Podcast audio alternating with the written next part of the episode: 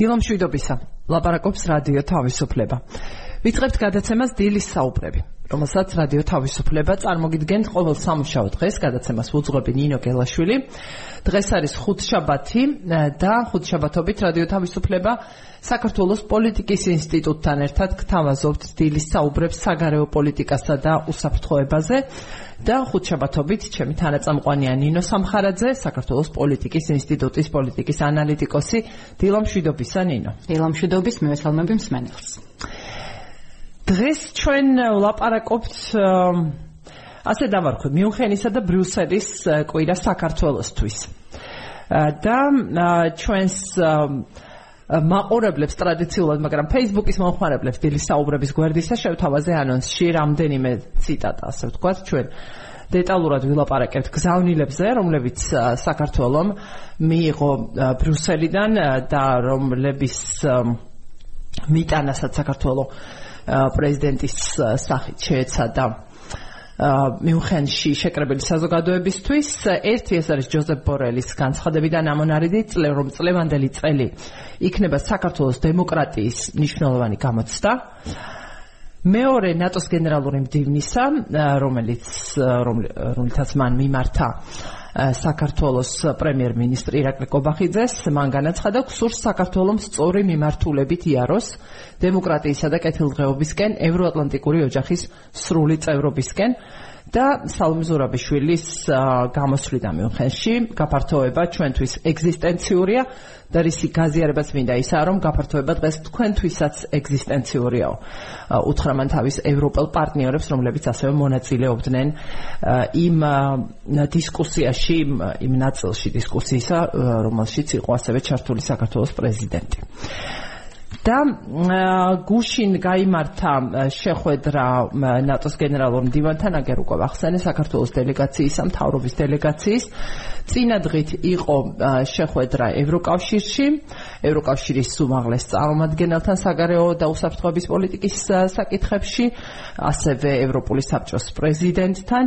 და ძალიან მკაფიო ძალიან ასეთი კონკრეტული გზავნილები იყო ის რაც საქართველოს მიიღო ბრიუსელში უნდა ითქვას ამის შესახებ რადიო თავისუფლების ვებსაიტის მკითხველებს გეტყვით რომ შეგიძლიათ ამ ვიზიტების შესახებ ცოტა კულუარული ინფორმაციაც მიიღოთ რადიო თავისუფლების გვერდზე, ვებსაიტზე რადიო თავისუფლება წერტილი GE ლუკა პერტაიას სტატიაში.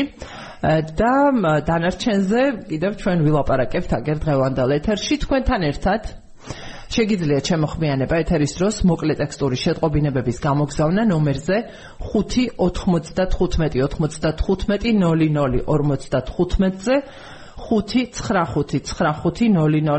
59595000055-ზე 595950055-ზე ასევე შეგიძლიათ გამოიყენოთ ის სივრცე Facebook-ზე დილის საუბრების გვერდზე Facebook-ზე სადაც გამოქვეყნებული ანონსი კომენტარების სივრცეში შეგიძლიათ ასევე მოგწეროთ საიდან დავიწყოთ?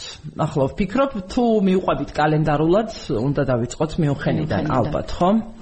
და საქართველოს პრეზიდენტის გამოსვლიდან იქ სადაც მისი გზავნილები იყო ძალიან ესე ვთქვათ გაბედული ასევე იმ დისკუსიაში რომელშიც ის მონაწილეობდა ძალიან მნიშვნელოვანი იყო შემადგენლობა რომელშიც იყო ჩართული ორგანიზატორების მიერ მიუხედის უსაფრთხოების კონფერენციისა საქართველოს წარმომადგენელი საქართველოს პრეზიდენტი ამ კონკრეტულ შემთხვევაში მასთან ერთად იმყოფებოდნენ უკრაინის ხელისუფლების წარმომადგენელი ვიცე-პრემიერი უკრაინისა ოლჰა სტეფანიშინა ასევე ლიეტუვის საგარეო საქმეთა მინისტრი გაბრიელი ოსლანცბერგისი პოლონეთის საგარეო საქმეთა მინისტრი რადოსლავ შიკორსკი ალბათ ხომ სწორად ასე იქნება.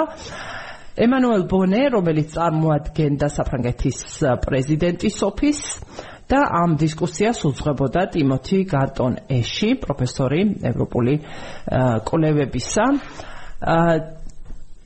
თვითონ დასაწყისში წამყვანმა მოდერატორმა ტიმოთი გარტონეშმა აღნიშნა, რომ გაფართოების წინაპირობა, გაფართოებას ეხებოდა ეს დისკუსია ჩვენ მსმენელებისთვის ვიტყვი.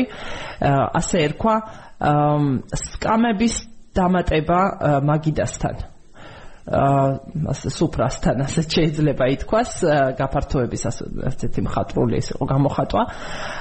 უფრო ღრმა, უფრო ფართო და უფრო შემძლე ევროკავშირი კითხვის ნიშანი ასეთი იყო სახელწოდება პირობითი ამ დისკუსიისა და აქ პირველი ვისაც მიმართა ასევე იყო საქართველოს პრეზიდენტი წამყვანმა. და სალომე ზურაბიშვილის აქცენტები იყო სწორედ იმაზე რომ რატომ არის მნიშვნელოვანი ევროკავშირის გაფართოება საქართველოსთვის ევროინტეგრაცია.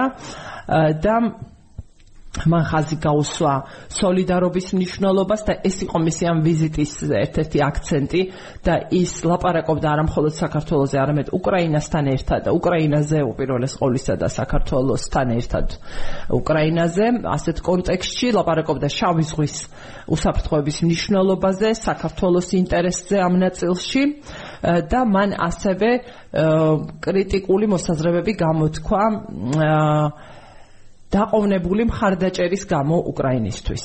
შეაქო ევროკავშირი 50 მილიარდი ევროს შესახებ გადაწყვეტილების გამო და იმედი გამოთქვა, თუმცა ხაზი გაუსვა რომ დროს უდიდესი მნიშვნელობა აქვს, იმედი გამოთქვა რომ ვაშინგტონში იქნება მიღებული ასევე დადებითი გადაწყვეტილება უკრაინისთვის სამხედრო მხარდაჭერის გაგრძელებაზე, აწ უკვე განახლებაზე, ასე უნდა ვთქვათ, იმხელა პაუზა და ყველა ელოდება ამ გადაწყვეტილებას. შეიძლება ეგრეთ ითქვას, მაგრამ მთავარი რითაც ჯობია მე გავაგრძელო ეს თქვენი მიმოხილვა, რაც მე მგონი ძალიან დამეხმარება პირდაპირ შეფასებებზე გადასვლაში, იმიტომ რომ საკმაოდ აქცენტური იყო ძირითადად ყველაფერი, რაც სალომე ზურაბიშვილის რიტორიკაში და გამოსვლაში იყო მთავარი ყველაფერი ფაქტობრივად შევთავაზეთ მსმენელს თქვენი მონოლოგი. იქ იყო ერთი დეტალი კიდევ, რომელზეც ყველაზე შეიძლება ითქვას მგონი არ მომჩვენებია რომ ყველაზე უფრო აქტიურად განხილული იყო საქართველოს სივრცეში, პოლიტიკურ სივრცეში, შესაბამისად მედიაში, ერთ-ერთი აქცენტი პოლონეთის საგარეო საქმეთა მინისტრისა, ესე ვთქვათ, ჩაწოდება საქართველოს პრეზიდენტისთვის, რომელზე პასუხისგანაც საქართველოს პრეზიდენტმა საკუთრივ პანელზე თავი შეიკავა. რომ ითქვა სიმართლე დიდად არც მისცემი ამის შესაძლებლობა რადგან ადოსლავ სიკორსკი მას უთხრა მიხელ სააკაშვილს შეეხებოდა მისი რემარკა. შეიძლება დავარქვათ ასე მიმართვა პრეზიდენტისადმი რომ სასურველი იქნებოდა საქართველოს პრეზიდენტის მიმართ შეწყალებას პრეზიდენტის საკითხზე თავისი როლი შეესრულებინა პოზიტიური. შეეცადა სიკორსკი ძალიან დიპლომატიურად ეთქვა ის რისი თქმაც სურდა მიხელ სააკაშვილის გათავისუფლებაზე და პრეზიდენტის როლზე, მაგრამ თავისთავად მაინც მგონი რომ დიპლომატიას გაცდენილი იყო ამ ფორუმის და პლატფორმის გამოყენება. ფორმატის გათვალისწინება. ხო, გამოყენება ამ თემისთვის.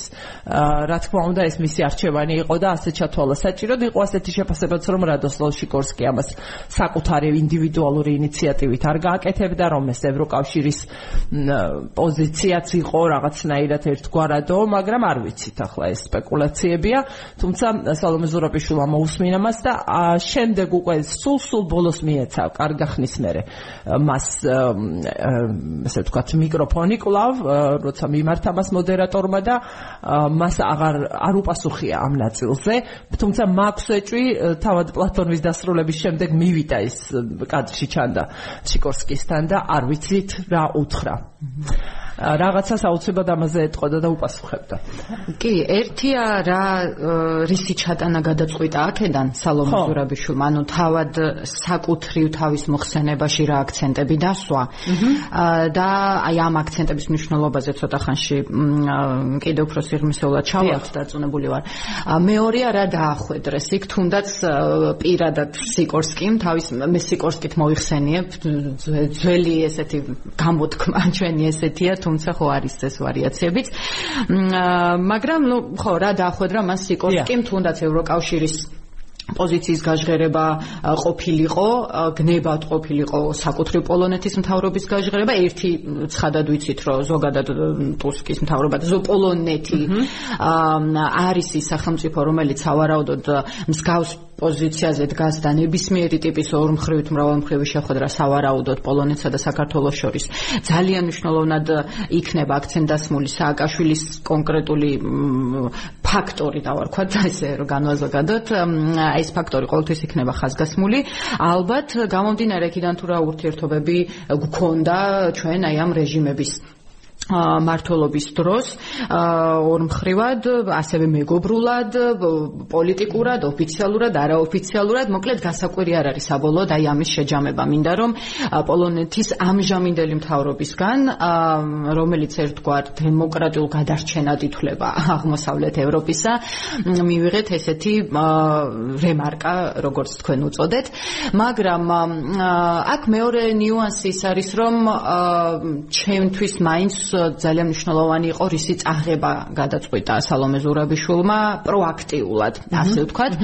აა რა ჩადო თავი რა გზავნილები ჩადო თავის მოხსენებაში ძალიან მნიშვნელოვანი აქცენტი რაც შეიძლება ჩვენი წინა ლაივის გაგრძელებაც იყოს ერთგვარი არის ის რომ ჩვენ ველოდით ძალიან ხისტ დაპირისპირებას ან ყოველ შემთხვევაში თავად პოლიტიკური ელიტა ელოდა ასე აჟღერებდნენ ხისტ დაპირისპირებას სალომე ზურაბიშვილის მხრიდან არსებული მთავრობის მიმართ რაც საბოლოო ჯამში ძალიან კარგად ძალიან სწორი დიპლომატიით გაახმოვანა სალომე ზურაბიშვილმა გაახმოვანა ერთობის მნიშვნელობის შესახებ, იმის შესახებ, რომ საბოლოო ჯამში საქართველოს პოზიცია, როგორც სახელმწიფოს ერთიანი პოზიცია, მაინც არის ნებისმიერ შემთხვევაში პროევროპული გაფართოების მიმართ ინტერესით გაჟღენთილი. აქედან გამომდინარე, მე მაგალითად ვიტყოდი, რომ კმაყოფილი ვარ იმ ფორმულირებებით, რა ფორმულირებებით საბოლოოდ შესთავაზა საერთაშორისო საზოგადოებას სალომე ზურაბიშვილმა. მან თითქოს ის ციხისტეები რაც როგორც წესი შიდა პოლიტიკას ახასიათებს ხოლმე ძალიან სწორად მოახერხა რომ დიპლომატიურად დაბალანსებულად გაეტანა საერთაშორისო ასპარეზზე. ასე რომ ჩემთვის აი ამ მიმართულებით იყო ერთი მნიშვნელოვანი ეს გამოსვლა. ხო ამას ისრულად გაზრებულად აკეთებს და ეს ძალიან კარგი არის ქვეყნისთვის რომ ხო აბსოლუტურად. გამოდის ერთიანი პოზიციით საერთო ინტერესი რაც არის და არსებითი ინტერესი აბსოლუტურად ეს არის ვიწრო პოლიტიკური აი ეს მოდი მეტაფორულად ვიტყვი ჭუჭყიანი თეთრეული ასე ვთქვათ რაც არის ჩვენი ქვეყნის შიგნით ეს არ გასულა იმ ხარისხით გარეთ რითაც სხვათა შორის აი კიდევ ერთხელ მინდა რემაინდერ შეხსენება გავაკეთო. მსმენელისთვის რომ ამის მოლოდინი თითქოს თუ წინასწარი თავის დაზღვევა თუ წინასწარი თავდასხმა ესეთ დავარქვათ არსებობდა ქართული ოცნების ელიტაში როდესაც მათ გაიგეს რომ სალომე ზურაბიშვილი შვილი მიდიოდა დარჩია შულთან ერთად. მიუნხენის კონფერენციაზე ისინი თითქოს წინასწარ მოლოდინს ქმნიდნენ რომ სალომე ზურაბიშვილი საქართველოს წინააღმდეგ ეს ზუსტი ციტირება შეიძლება არ იყოს მაგრამ პათოსი ეს იყო თავის სახელმწიფოს წინააღმდეგ გამოვიდო და სინამდვილეში აბსოლუტურად პირიქით მოხდა და დავუფასოთ საქართველოს პრეზიდენტს აი ეს კონკრეტული გამოსვლა. მეორე ძალიან მნიშვნელოვანი ნიუანსი ასევე რაც არის არის ის რომ ძალიან მნიშვნელოვან პანელზე მოხვდით. თქვენ თავად ერთი მხრივ შემადგენლობა გააჟღერეთ, მაგრამ მეორე მხრივ თვითონ თემატიკაც რა თემატიკაში შევედით. აა ჩემი აზრით არის წინსვლა ჩვენი აღქმ ჩვენ მიმართ აღქმების თვალსაზრისით თუ ამას შევაფასებთ. აა ჩვენ მიმართ ეს ფოკუსი ბევრად სხვანაირია ახლა ფაქტია ვიდრე იყო თუნდაც გასულ წელს რა რა კონფიგურაციაში გხედავდა მაგალითად ევროპა მაშინ და მიუხენი კონკრეტულად საორგანიზაციო საბჭო თუ არჩი დამგეგმავთა კოჰორტა. ერთი მხრივ და რა კოჰორტაში რა კონფიგურაციაში ბოდიში ხედავენ ახლა. მე გაფართოებაზე იყო ეს პანელი კონკრეტულად და მე ნიშნა რომ არ იყო მაგალითისთვის. მოლდოვა რასაც ასოცირებული ტრიო უნდა დაეკავშირებინა კიდევ უფრო მეტად ერთმანეთთან მაგრამ ეს პრინციპში ძალიან მნიშვნელოვანი ხარვეზი საკუთრივ საქართველოსთვის არ ყოფილა. აქ უფრო მეტად გაფართო გაფართოების მიმართ ხედვები შეგვიძლია შევაფასოთ. საქართველო, უკრაინა ერთი მხრივ ჯერ კიდევ ერთმანეთის გვერდი გვერდ არის მოაზრებული და ეს ძალიან მნიშვნელოვანია. და მეორე მხრივ გაფართოების პერსპექტივაში სხვა ქვეყნებიც მოიაზრებიან, ასე რომ სრულფასოვნად შეუძლებელიც იყო ტექნიკურად და ასე პირდაპირ გადატანა სცენაზე, ხო? ესეც მართალია. დისკუსიაში, თუმცა საქართველოსთვის სასარგებლოდ გეთანხმები, ნინო, უნდა ითქვას, რომ მონაწილეობდით. ამ კი. ნაწილში და ძალიან მნიშვნელოვანი არის ის რომ რეალურად პოლონეთი და ლიეტუვა რომელიც ამ პანელს შეუერთდნენ საგარეო საქმეთა მინისტრების დონეზე ტრადიციულად მაინც საბოლოო ჯამში სახელმწიფოები აღიქმებიან ჩვენთვის როგორც უკრაინისთვის ასევე საქართველოსთვის მთავარ გამწევ ძალად ევროკავშირის შიგნით როდესაც ჩვენს ინტეგრაციულ წინსვლაზე არის ხოლმე საუბარი აქედან გამომდინარე მე იმედი მაქვს რომ ამ პანელმა მხოლოდ და მხოლოდ ხელი შეუწყო საქართველოს იმიჯის გაძლიერებას ევროპის თვალში, კოლექტიური ევროპის ასე ვთქვათ თვალში და ეს გამოსვლა მხოლოდ წინ წაწევს ინტეგრაციულ პროცესს და არაფერი არ დაუზიანებია როგორც ეს არის მოლოდინის სახით არსებული. არ ვიცი, მე ხო, სპეკულაცია ალბათ, ჩემი, მაგრამ ნაკლებად გულწრფელი მგონია ის რომ რიტორიკის შესაბამისი მოლოდინი მართლაც ასეთი ჰქონდათ საქართველოს მართლ პარტიაში, რასაც ამბობდნენ სჯეროდათ რომ იმას იზამდა პრეზიდენტი. შექმნაცი. მაგრამ ხო, გააგრძელეს თავიანთი ასე თვლიან უმჯობესად ალბათ თავიანთი პარტიის ინტერესებისთვის და ბევრჯერ გაესვა ხაზი რომ ნება და ურთველი ერთ-ერთი მორიგი ვიზიტი იყო, კონსტიტუცია დაარღვია და მოკლედ მთელი ამბები მაგრამ ხო რაც იყო ეგ იყო მაგალითად პაპუაშვილის კომენტარს გავიხსენებ თუ შეიძლება ძალიან საინტერესო არ ვიცი კერძო ვიზიტებით არ ვინტერესდებიო ასეთი განცხადება გააკეთა და რამდენად იყო ეს კერძო? მოკლედ სერიოზული აცდენა ამ ხედვებს შორის. ფაქტია რომ და ეს უკვე სპეკულაცია აღარ არის ფაქტია რომ საქართველოს პრეზიდენტის ვიზიტის მნიშვნელობა და ვიზიტი თავად გაცილებით მკაფიო იყო და დანახული იყო მიუხედავად კონფერენციის ორგანიზატორ მომხმარებლების მონაწილეების და დამსწრეების და ყოველას მიერ ვინც თვალყურს ადევნებდა ამას ვიდრე ოფიციალური წარმომადგენლობისა გულისხმობს არ ვაკნინებ მას ასე ვთქვათ პირადად უბრალოდ როგორც წარმოჩინდა მას ჰქონდა ორმხრივი შეხვედრები საგარეო საქმეთა მინისტრს. ასე რომ როგორიც უნდა იყოს ეს ვთქვა ჩიდა პოლიტიკური პარტიული თუ საწინას არჩევნო თუ ეს კონტექსტი და ეს არსებული რიტორიკა ეს არის ურიგო ვიზიტი და გამოჩენა საქართველოსი მიუნხენის უსაფრთხოების კონფერენციაზე. ზურაბიშვილმა ხაზი გაუსვა სწორედაც უსაფრთხოების ასპექტს ამ გაფართოების ნაწილში და სწორედაც ამ კუთხით გაამახვილა ყურადღება, როცა აქცენტი გააკეთა უკვე ბოლო მის გამოსვლაში, დისკუსიაში, რომ ევროკავშირისთვისაც ეგზისტენციური არ მხოლოდ საქართველოს ეგზისტენციურია ეს გაფართოება, სწორედაც აი უსაფრთხოების კუთხით და ამ პერსპექტივით მთლიანი ლაიტმოტივი რაც იყო რომ შევაჯამოთ ეს ნაწილი. და შემდეგ წინ წავიწიოთ რომ ეთქვიან არის იყო ის რომ გაფართოების შემდეგი ეს პროცესი მიმდინარე და შემდეგი ტალღა თუ რაც იქნება ვეღარ და აღარ უნდა იყოს აი ისეთი სტანდარტული როგორიც იყო ან რომ ვიღაცისთვის დაუსრულებელი დღემდე. და უნდა იყოს ძალიან დინამიკური და ცოტათი სხვა ტემპის და სხვა შინარსის სხვა დატვირთვის მატარებელი იმ კონტექსტის გათვალისწინებით რაც არის. და ჩვენ ვილაპარაკეთ უწინ სწორედ მემხანის უსაფრთხოების კონფერენციის ანგარიშზე სადაც აი ეს რეგიონი სადაც ლაპარაკი იყო ნაცრისფერ ნაცრისფერ ზონაზე ნაცრისფრის სხვადასხვა ტონალობებზე და იმაზე რამდენად მნიშვნელოვანია აქ როგორც საკუთრივ ამ ქვეყნების არჩევანი, ასევე დასავლეთის პოლიტიკა ამ ქვეყნების მიმართ, რომ ასე ნაცრისფერი ზონა, ბუფერი, დამცავი, შეუძლებელი ასეთი რამ არ ხდება და ესეც იყო ილუზია, მოდით ვთქვათ, იმავე დასავლეთისა, როცა ასე ჩათვალა და ეს ნაცრისფერი ზონა მისთვის იყო ასევე რუსეთთან ურთიერთობის დაალაგებულად ბრჭყალებში შენარჩუნების ნიადაგით ასე წარმოედგინა, მაგრამ პირიქით, პირიქით. როგორც უწოდებთ ხოლმე ბუფერული ზონა, რომელიც გიცავს ხო და ვერა, ასე ასე არსება ბუფერული ზონა ვერ იქნება.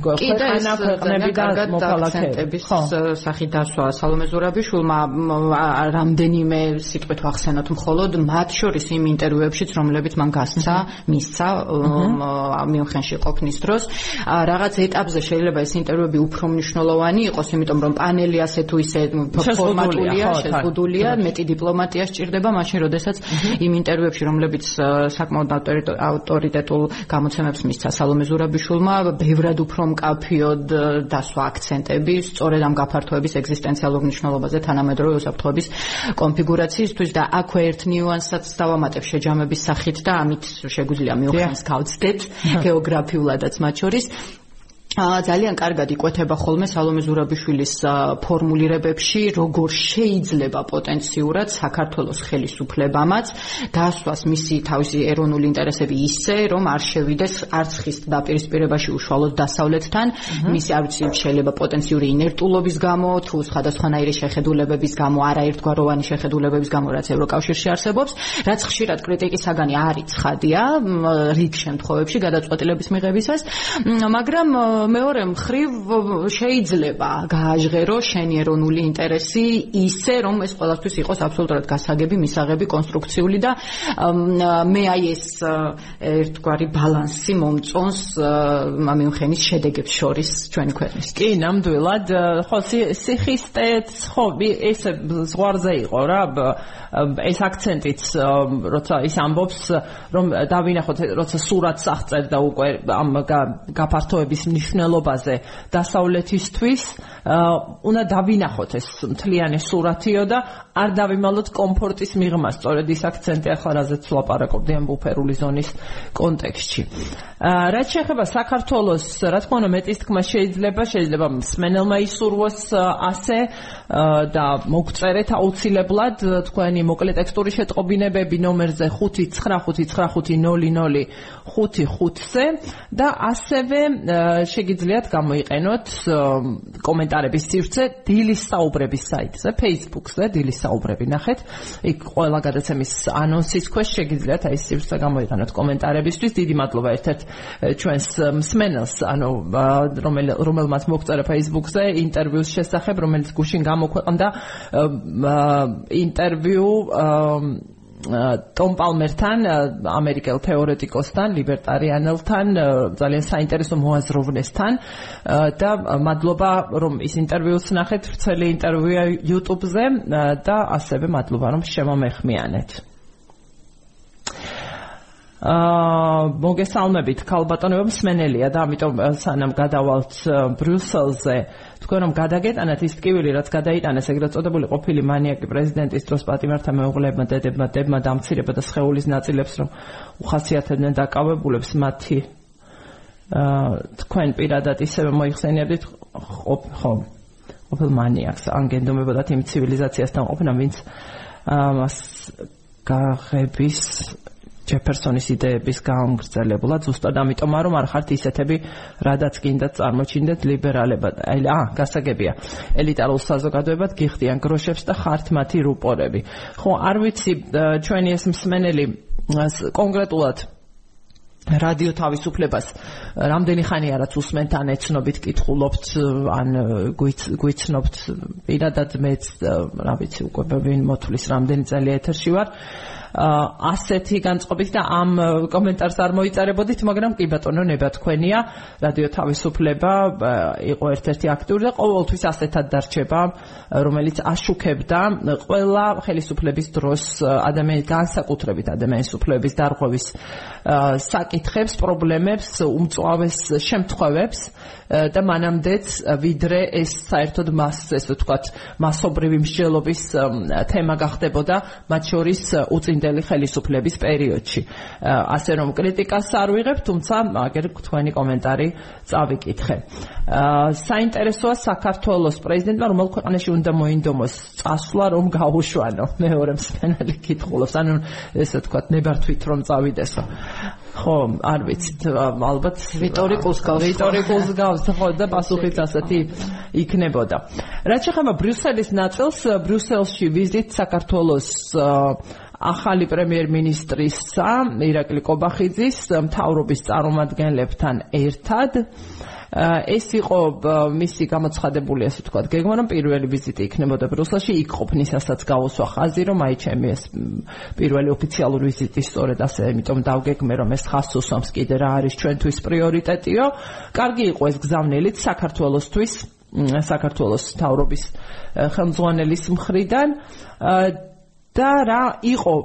ძალიან საყურადღებო მეტი გზავნილი და მეტი კონკრეტიკა და მეტი ინფორმაცია მეტად ინფორმაციული იყო ევროპელი პარტნიორების მიერ დახვედრებული ასე ვთქვათ შინაარსი საქართველოს დელეგაციისთვის და დავიწყოთ ევროკავშირით.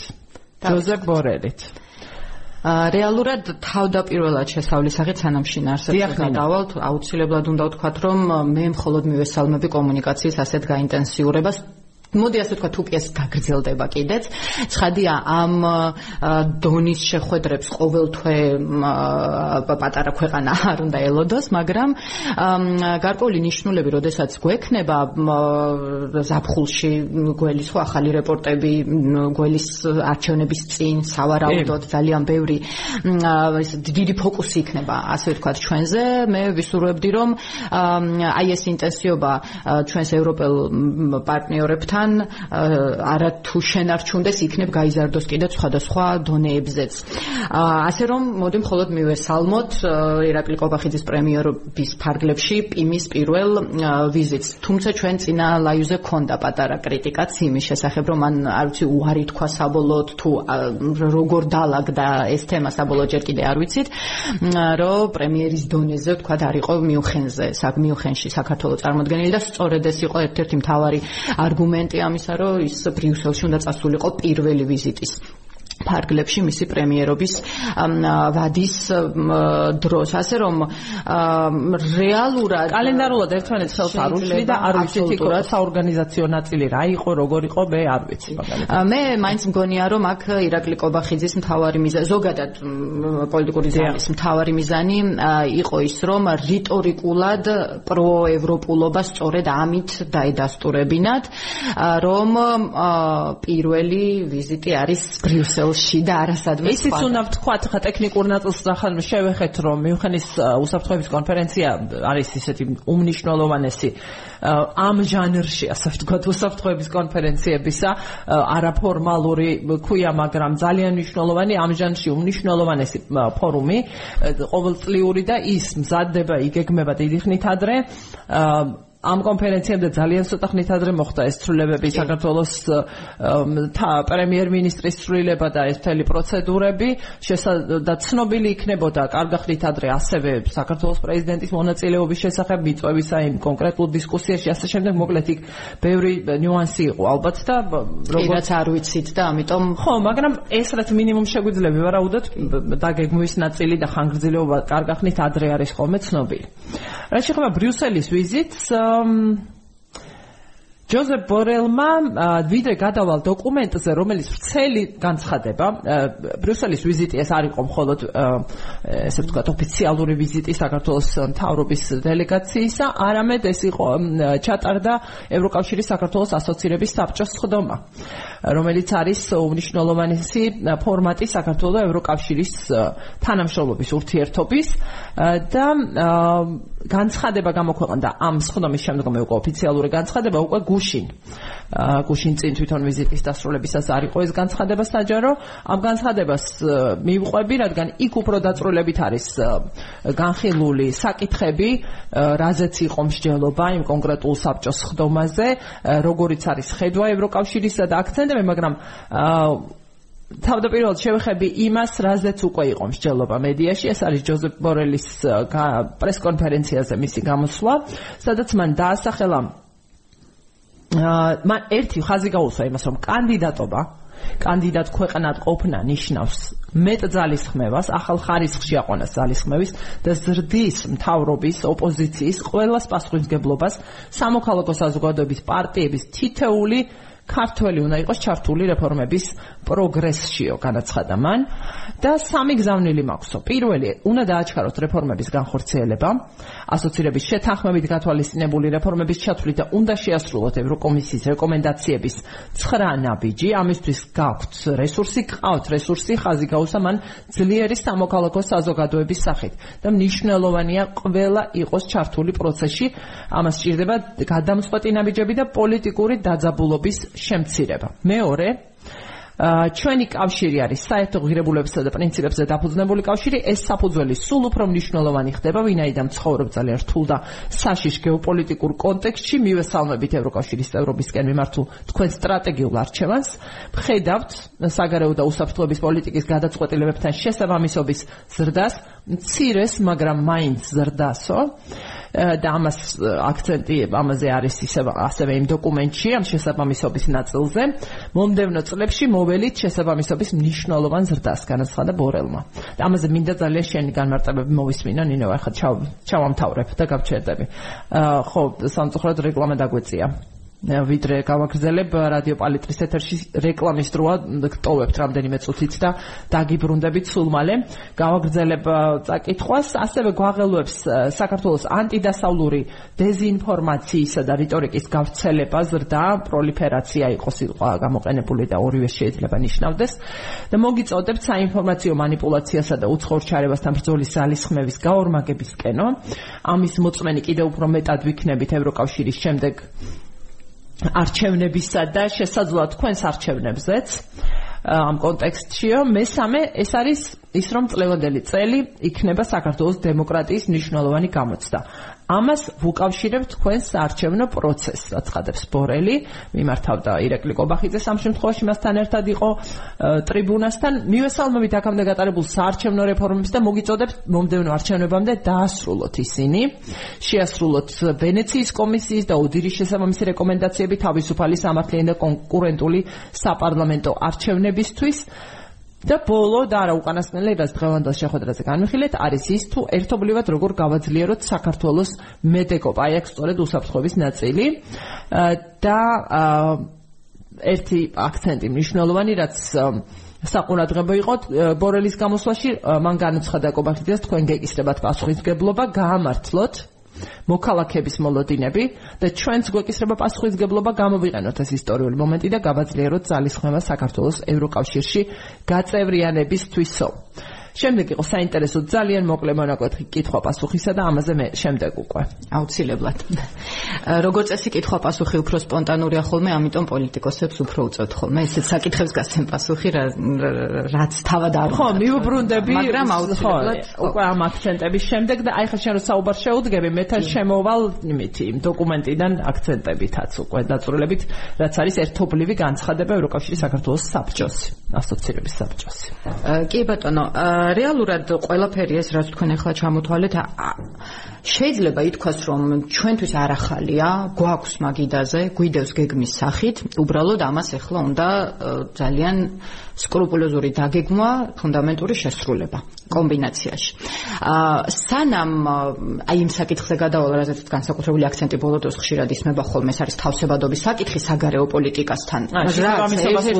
თავსებადობა თავსებადობა შესაბამისობა ხო ორივე alignments ეძახიან ინგლისურად. აი ამ საკითხის მიღმა ძალიან პატარა შესავლით მინდა შიდა პოლიტიკურ ნიუანსებზეც თქვა ორი სიტყვა, იმიტომ რომ საქართველოსში შიდა პოლიტიკა, საგარეო პოლიტიკა ძალიან მჭიდროდ არის ერთმანეთთან დაკავშირებული და ეს ბორელის აი ამ განცხადებებში და ზოგადად ჩვენთვის მოცემულ დავალებებში ძალიან კარგად ჩანს.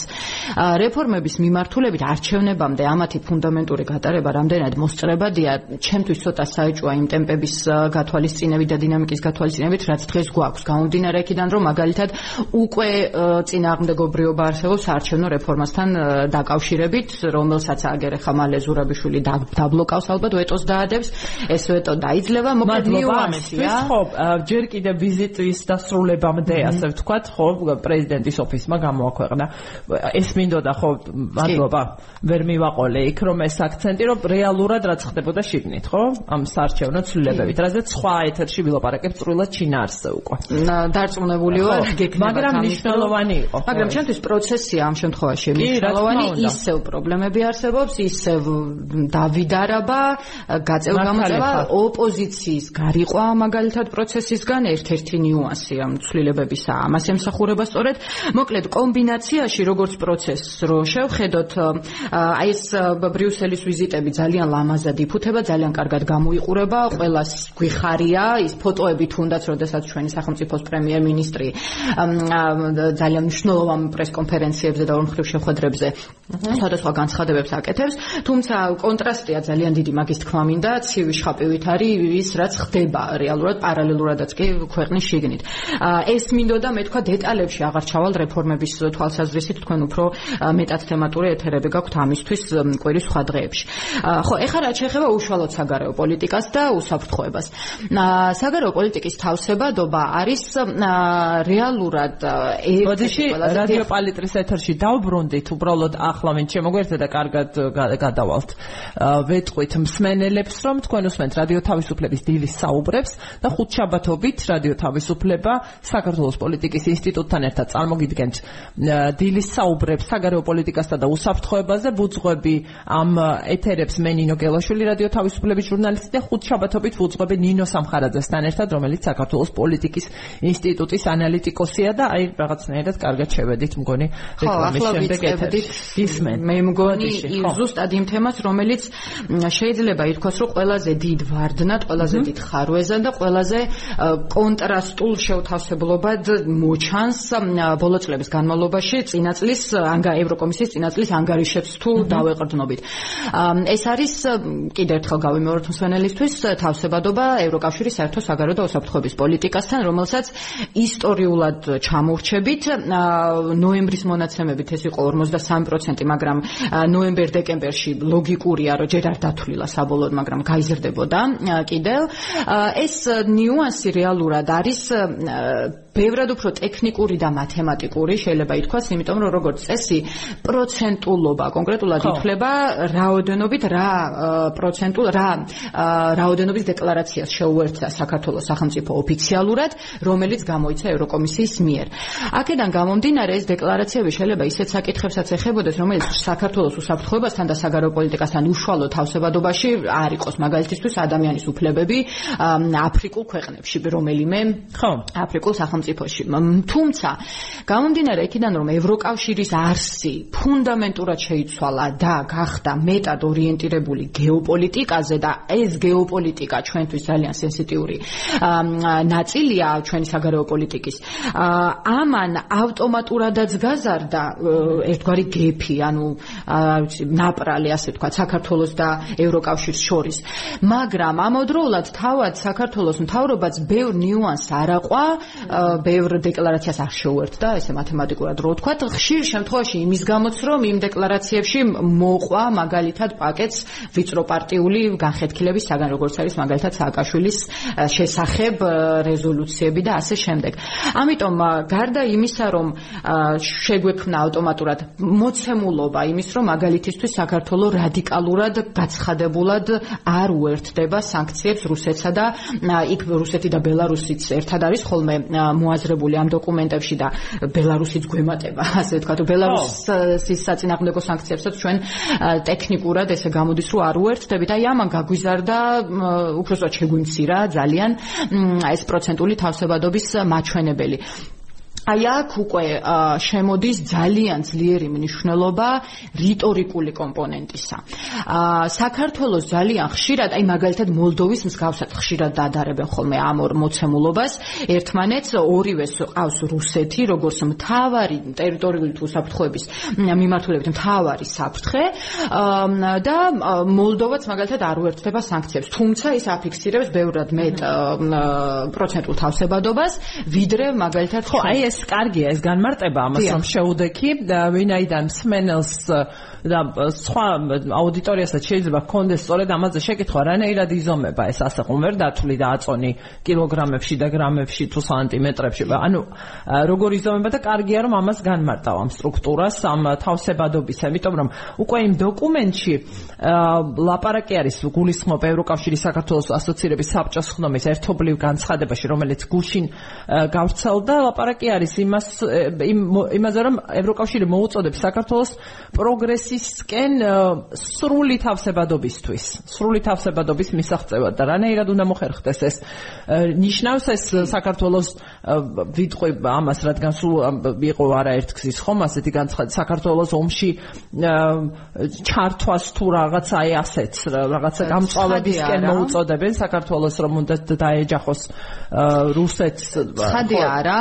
აქ ძალიან რაც უფრო ხშირად ესმით და ამიტომ ვამბობ ახლა ხაზგასმით ძალიან მნიშვნელოვანია ის აღინიშნოს რომ ალოგიკურიც კი არის ზოგადად ასეთი მოწოდებები იმიტომ რომ იმიტომ რომ ევროკავშირს ასეთი მოწოდებები კი არა ნარატივები ბოდიში რომ ევროკავშირი ელოდება ჩვენგან ისეთ მოძრაობებს რომელიც გაარადიკალურებს ჩვენი მხრიდანაც ჩვენ საგარეო პოლიტიკას და აუცდებით აი ამ ჩვენ კლასიკური ბალანსის პოლიტიკას. სინამდვილეში ევროკავშირი არათუ არ ელოდება საქართველოსგან ამას არამედ არც არის ეს სასურველი არანაირად არავის არ უნდა ზედმეტი ცხელი წერტილები ახლა მით უმეტეს ჩვენ გარშემო ძალიან ახლო გეოგრაფიულ არეალში ევროკავშირისთვისაც კი ძალიან ბევრი ცხელი წერტილი არსებობს. უკვე და არ ვიცი მეორე ფრონტი ბორელმაც თავად ადასტურა და ამაზე ცოტა გვიან ვისაუბროთ. არავის არ უნდა კი. ხო იმ ნაწილს ანუ ეს თავსებადობა იმის ახსნა მინდა რომ ტექნიკურად არ ახლოსაც არ არის მეორე ფრონტის გახსნასთან. ეს თავსებადობა რეალურად არის მნიშვნელოვანი იმ თვალსაზრისით, რომ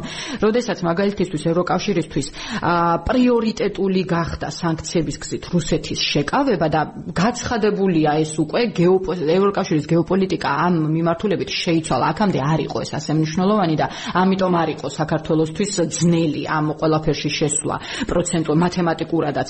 მაგრამ ახლა უბრალოდ ძნელი გახდა, იმიტომ რომ ევროკავშირი ძალიან მძლავრი სერიებით რაუნდებით აწესებს ამ სანქციებს. რუსეთის წინააღმდეგ და აბსოლუტურად გასაგებია თავად ბრიუსელში ბევრჯერ ეს დაუდასტურებიათ მათ ბევრი სხვადასხვა ოფიციალური თუ არაოფიციალური სიტყვით ფიჩით განცხადებით და ასე შემდეგ რომ ამ ეს მოლოდინი არ არსებობს საქართველოსნაირი სახელმწიფოებისგან არც საქართველოსგან არც მაგალითად მოლდოვისგან.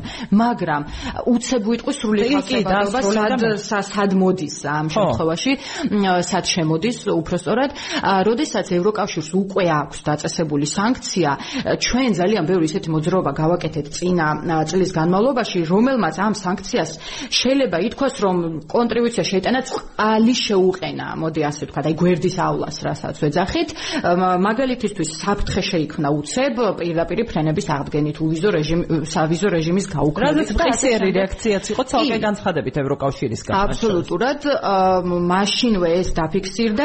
არა იმიტომ რომ ევროკავშირს სურს რომ საქართველოს პროაქტიულად ჩამოშორდეს რუსულ კავშირებს ცხადი ასეთ სურს მაგრამ მაინც ეს საქართველოსში დასაქმეა და ამაში ევროკავშირი არ ჩაერევა მაგრამ თავარი წუხილი რაც ბრიუსელში არსებობს არსებობს იმ მიმართულებით რომ აი ამ სანქციების შედეგების შესუსტებაში არ მიიღოს მონაწილეობა საქართველოს და თუ აი ამ მიმართულებით აი წეღან რაზეც საუბრობდით რომ რიტორიკულად ნარატ ოპერატიულად ამ მიკროგადაწყვეტილებებით აუცილებელი არ არის უშუალოდ სანქციაში შეხვიდე. აუცილებელია რომ მიკროგადაწყვეტილებები საფინანსო, ლეგალური, თუნდაც აი ეს მიგრაციული გადაწყვეტილებები ისე მიიღო რომ ამ სანქციებს მხარი დაუჭირო.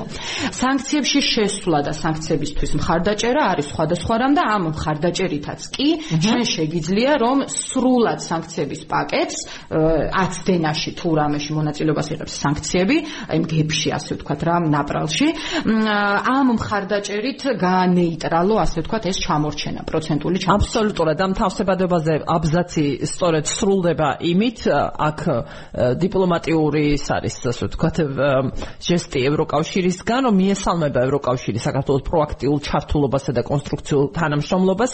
ევროკავშირის მიერ რუსეთის წინააღმდეგ დაწესებული სანქციებისთვის თავის არიდების პრევენციაში მე მგონი სწორად თქვი მთელი წინადადება ცოტა გრძელი იყო. და მივუბრუნდეთ რომ სმენელისთვის ნათელი იყოს ის ვახსენეთ კითხვა-პასუხის ნაწილი. ბორელის და კობახიძის ერთობლივ პრესკონფერენციაზე სადაც დაისვა შეკითხვა მათ შორის ორი იყო მგონი. შეკითხვა დაისვა სწორედ აი ამაზე საქართველოს ხელისუფლების განცხადებაზე რომ მისი ომში ჩათრება სურს უკრაინისგან მოდის ეს საფრთხე და ასე შემდეგ. და ირაკლი კობახიძემ უპასუხა ის რაც ცნობილი არის ჩვენი აუდიტორიისთვის უფრო მეტად რომ ესე ვთქვათ გაიხსნა განცხადებები იყო და ასე შემდეგო კონკრეტული პირებისგანო უკრაინიდანო და შემდეგ ბორელის მიმართ შეკითხვა ის იყო რომ საქართველოს პრემიერ-მინისტრი უწინამობდა რომ ამაზე საერთაშორისო პარტნიორებსაც გადასცემდა ასე ვთქვათ ამ ინფორმაციას თუ არ ვიცი ამ თემაზე ესაუბრებოდა და თუ იყო რაიმე მსჯელობა ამაზეო და თუ მოგაწოდეს ინფორმაცია ამის თავ საფრთხის თაობაზეო და ბორელის პასუხი იყო ასეთი რომ ჩვენ ვისურვებდით უკრაინა და საქართველოს უკრაინასა და საქართველოს კონდეთ საუკეთესო ურთიერთობები და თუ კი რაიმე პრობლემა წარმოიშვა მათ შორის ერთადერთი ვინც გამარჯვება ვინც იგებს ამით და ხეირობს ეს არის რუსეთი. და რა საკვირველია ყველაფერს გავაკეთებთ იმისთვის რომ უკრაინასა და რომ უკრაინას ისე თქვათ გადავცეთ გზავნილები საქართველოს კეთილი ნებისა და ყველა საუკეთესო შესაძლო ურთიერთობებისათვის მზადყოფნას რაღაც გავსი ასეთი დიპლომატიური ფრაზა თქვა რაც შეეხება მეორე ფრონტს განაცხადა ბორელმო ფიქრობ ეს არის გრძელი ამბავი და არავის არავის სერიოზულად არ აღიქვამს ამას და არ ვხედავ რაიმე მოწოდებებს უკრაინის მხრიდან და არც არ საიდან ამ საკითხზე საქართველოს მიმართო. ეს იყო მისი პასუხი უბრალოდ ჩვენი მსმენელის ინფორმირებისთვის, რომ ყოფილიყო ნათელი ვინც გვისმენს რას გულისხმობდით და რაზე ვლაპარაკობდით. მსმენელი გვწერს ა დროს გავხედე და რომ მოვასწროთ. მაინც ამ წინას არჩევნად რამდენად გაქვთ რეალური რეფორმების გატარების ილუზია. რიტორიკული კითხვაო დაგვეხმარა თან. ჩვენ ხომ დროდადრო დრო ვიძახით ეს რიტორიკული კითხვა იყო. მადლობა შრომისთვისო გწერს სხვა მსმენელი. მადლობა თქვენ რომ გვისმენთ დიდი მადლობა და კიდევ ერთი მსმენელი მე გის მე გისმენთო უწინდელ მსმენელს ხომ ასე ვთქვათ კითხვა დავსვი რამდენი ხანია ნეტა გვისმენთ მეთქი მე გისმენ 17-18 წელია და სრულად ვეთანხმები იმ სმენელის შენიშვნას, ანუ რომ ამერიკის საგარეო ინტერესების ჩაოლებრივი რუპორები და გამტარებლები ხართ მიუხედავად თქვენი პირადი ალბათ კეთილშობილებისა და ინტელიგენტურობისა ქალბატონო ნინო. ალბათ და მაინც რომ დაუშვით ეს დიდი მადლობა. ხო, ცხადია, არ გეთანხმებით რუპორობაში და ეს მედია საშუალება რასაც მისდევს და რითიც ხელმძღვანელობს ეს არის პროფესიული ეთიკის პრინციპები ჟურნალისტიკისა და სხვა არაფერი. სხვა გვარად რომ იყოს საქმე აქ არც მე და არც ჩემი სხვა კოლეგები არ ვიქნებოდით. და ისი რეფორმებზე მაინც მაინც უპასუხოთ კი რიტორიკულია და შეგვაშველა მაგრამ მაინც უპასუხოთ ჩვენს მენელს დრო გრჩება ცოტა 10 წუთზე ნაკლები. და ნატო გვაქვს კიდევ მასაც ამონებით ხო ბევრი ნიუანსი არის რაც ამ კვირაში მოხდა და გვინდა რომ გავაჟღეროთ, მაგრამ თავარი რაც რასაც მსმენელი გვთავაზობს, აუცილებლად არ უნდა გამოტოვოთ რეფორმების თვალსაზრისით, რაოდენ რიტორიკულიც არ უნდა იყოს ეს კითხვა, ჩვენ გავაჟღერეთ კიდეც, მე გავაჟღერეთ დღევანდელ საუბარში, რომ აა რიტორიკულობის მიღმა პრაგმატულადაც დინამიკა ისე მიდის ამ რეფორმებზე მუშაობის, რომ მე პირადად ნამდვილად არ მოძლევს იმის იმედს, რომ ოქტომბრამდე რაიმე მნიშვნელოვანი წინსვლა გვექნება. განსაკუთრებით საკუთრებით იმ ფონზე, რომ ერთი არ შიდა რეფორმა როგორ ხორციელდება საკუთრივ ხელისუფლების მიერ, მაგრამ მეორეა როგორია დამოკიდებულება ამ რეფორმების მიმართ გამოთქმულ კრიტიკებზე, ხედავთ ჩვენ მუდმივ თავდასხმებს, რეგულარულ თავდასხმებს ვენეციის კომისიაზე, რომელიც კრიტიკას კრიტიკაზე იწერება. ვენეციის კომისია როგორც წესი ტექნიკურად დააფასებს, უფრო ვენეციის კომისია ზოგად პოლიტიკურ პროცესს არაფასებს ქვეყანაში და კონკრეტულ ნიუანსებზე გვაძლევს ხოლმე რჩევებს და ამ ნიუანსების არა თუ არ განხილვა, არამედ უკუთავდასხმა პოლიტიკურად უკვე.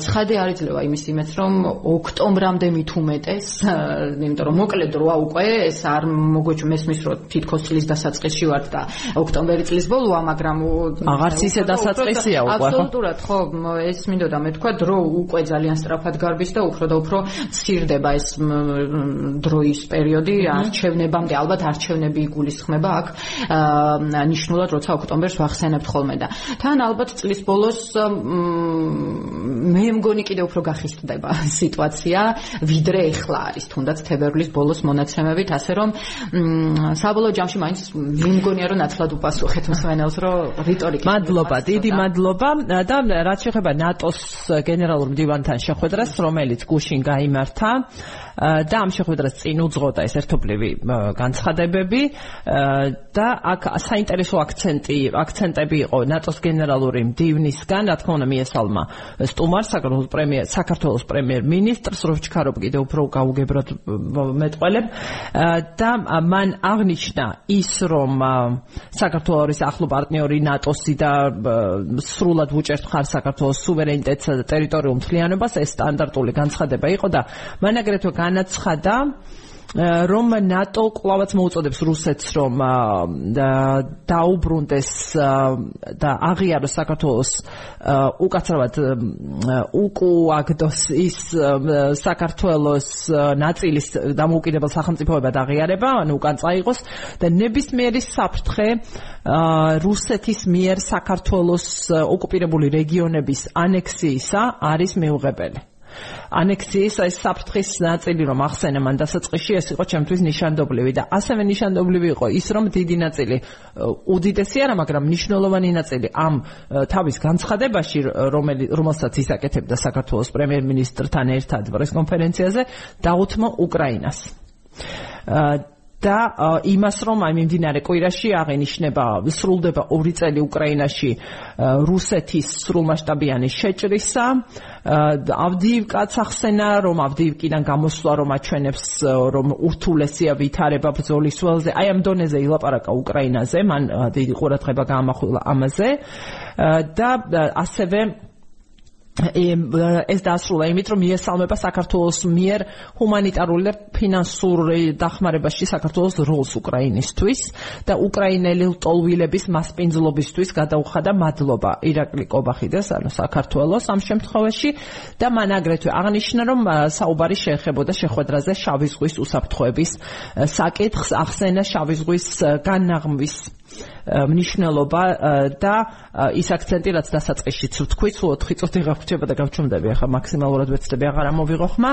ეს არის აი ის სურს საქართველოს სწორი მიმართულებით იაროს დემოკრატიის და კეთილდღეობისკენ ევროატლანტიკური ოჯახის სრული წევრობისკენ. კი, ერთი მხრივ დემოკრატიული და ისევ შიდა პოლიტიკური პროცესები თავსებადია და პარალელურად მიდის ხოლმე ევროკავშირის მოთხოვნებთან, ნატოს მხრიდანაც, ასე რომ ამაზე ბევრი დრო აღარ დავხარჯოთ, იმიტომ რომ რეალურად სინქრონულია შეიძლება ითქვას ნატოს მოთხოვნები საქართველოს მიმართ ევროკავშირის მოთხოვნებთან. მაგრამ ეხლა მეორე მხრივ ამ ბრიფინგიდან ჩემთვის გეოპოლიტიკური ნიშნულები რა იყო, ამას თავს მოვუყრი, რაც შეიძლება სწრაფად.